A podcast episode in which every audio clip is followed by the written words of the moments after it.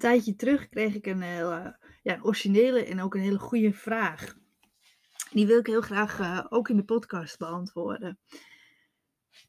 Iemand vroeg aan mij of hyperventilatie er ook voor kan zorgen dat je andere positieve gevoelens, zoals blijdschap, maar ook verliefdheid kan blokkeren. Ik, ik heb wel vaker verteld en ook over geschreven natuurlijk, dat je veel gevoeliger bent voor negatieve, depressieve en angstige gedachten door die onbalans die ontstaat door het hyperventileren. En dit is natuurlijk eigenlijk het omgekeerde. Want ik denk zeker dat je minder blij kan voelen als, en dat er dus ook geen ruimte is voor iets zoals bijvoorbeeld een verliefdheid. Maar hoe kan dat dan? Hè? Doordat je eigenlijk zo met jezelf bezig bent en je niet goed voelt en dit, dit zoveel energie kost, is er ook heel weinig ruimte om je open te stellen voor een ander. En een nieuwe relatie en de bijbehorende gevoelens.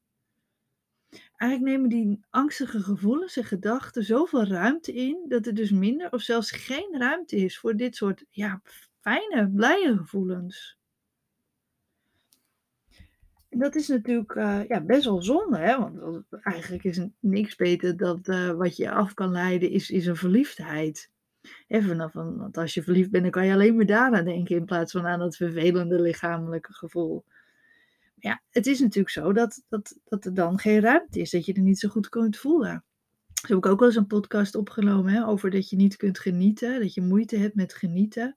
En dat komt er natuurlijk eigenlijk een beetje uh, bij, ook hetzelfde bij op neer. Hè? Dat, je, uh, dat er dus gewoon door die, ja, dat er gewoon geen ruimte is voor die blije gevoelens. En wat er dan ook een rol speelt, is een aantal processen in je lichaam. En zoals ik al vaak vertel, is die onbalans in je lichaam, die ontstaat door de hyperventilatie. Hè. Die onbalans die geeft je heel veel vervelende klachten. Duisterheid, hoofdpijn, vermoeidheid, tintelingen. Maar ook dus negatieve, angstige gedachten. En als er dus meer negatieve gedachten zijn, dan is het moeilijker om die te vervangen voor blije, positieve gevoelens die je hebt als je verliefd bent. En door de stress die ontstaat van het hyperventileren heb je ook nog eens heel veel stresshormonen in je lichaam. En die zijn dominant op die positieve blije hormonen. Ja, en verliefdheid, dat is een hormonaal proces, hè, zoals je natuurlijk wel weet. Dus, dus door die stresshormonen uh, is, er dus, is er dus geen ruimte ook voor die, voor die blije stofjes die je laten genieten, die je blij laten zijn. Die, die stresshormonen zorgen ervoor dat je continu alert blijft, alert op gevaar. En als jij helemaal verliefd bent dan ben je niet zo alert op gevaar. Want je denkt alleen maar aan die persoon. En als je samen bent, dan, dan vergeet je natuurlijk ook de hele wereld om je heen. En dat is natuurlijk gevaarlijk. Want dan zie je die beer in het bos niet. En want ons onderbewuste, is zo alert te zijn op dat gevaar door die stresshormonen. Ja, dat hij dus niet wil dat jij je laat afleiden door die mooie ogen van, van, die, van die ander. En dat zorgt er dus voor hè, dat, je, dat je lichaam dus geen ruimte maakt daarvoor. En dat komt echt uit die, uit die oertijd, dat we moesten overleven. Ja, en dan was er gewoon geen ruimte voor, voor dat soort positieve gevoelens. Is zonde. Want door ja, die, die blije gevoelens.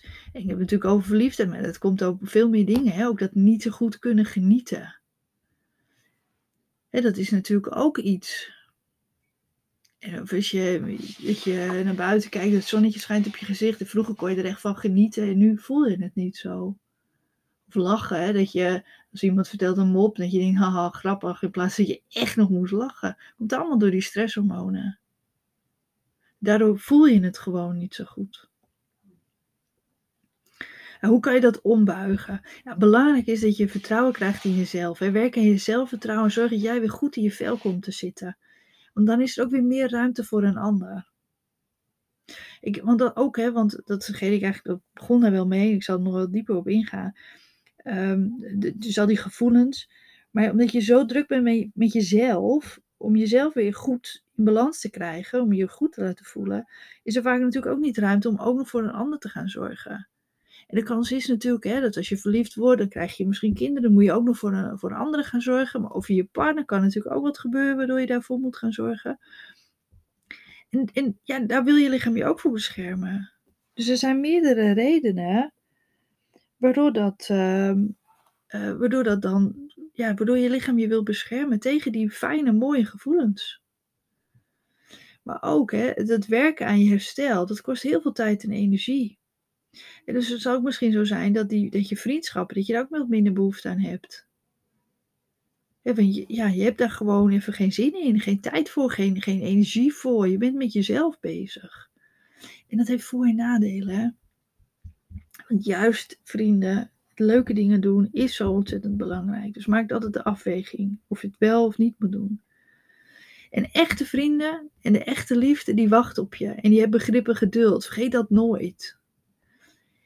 En, en wat natuurlijk voor jou belangrijk is, dat je basis sterker moet worden en dat je daar aan moet gaan werken. Dus zorg eerst extreem goed voor jezelf. Want hoe beter jij voor jezelf zorgt, hoe sterker je wordt, hoe lager die stresshormonen worden en hoe meer ruimte er komt ook voor de andere gevoelens, voor die positieve gevoelens. En want dat is natuurlijk gewoon uh, belangrijk. Dus je stresshormonen moeten naar beneden. Jij moet goed voor jezelf gaan zorgen. En dan komt er ook weer ruimte voor, voor een ander en voor die positieve gevoelens. Dus merk je dat je het niet zo goed kunt genieten, dat je denkt, ja, maar ik voel het allemaal niet zo goed, dan komt dat echt door die stress. En er is dus niks mis met je. Hè? Dat komt echt door die hyperventilatie en door die, uh, door die stresshormonen en door al die andere negatieve gevoelens die je in je lichaam hebt. Want die zijn dominant op het positieve. Nou, bedankt voor het luisteren en uh, tot in een volgende aflevering.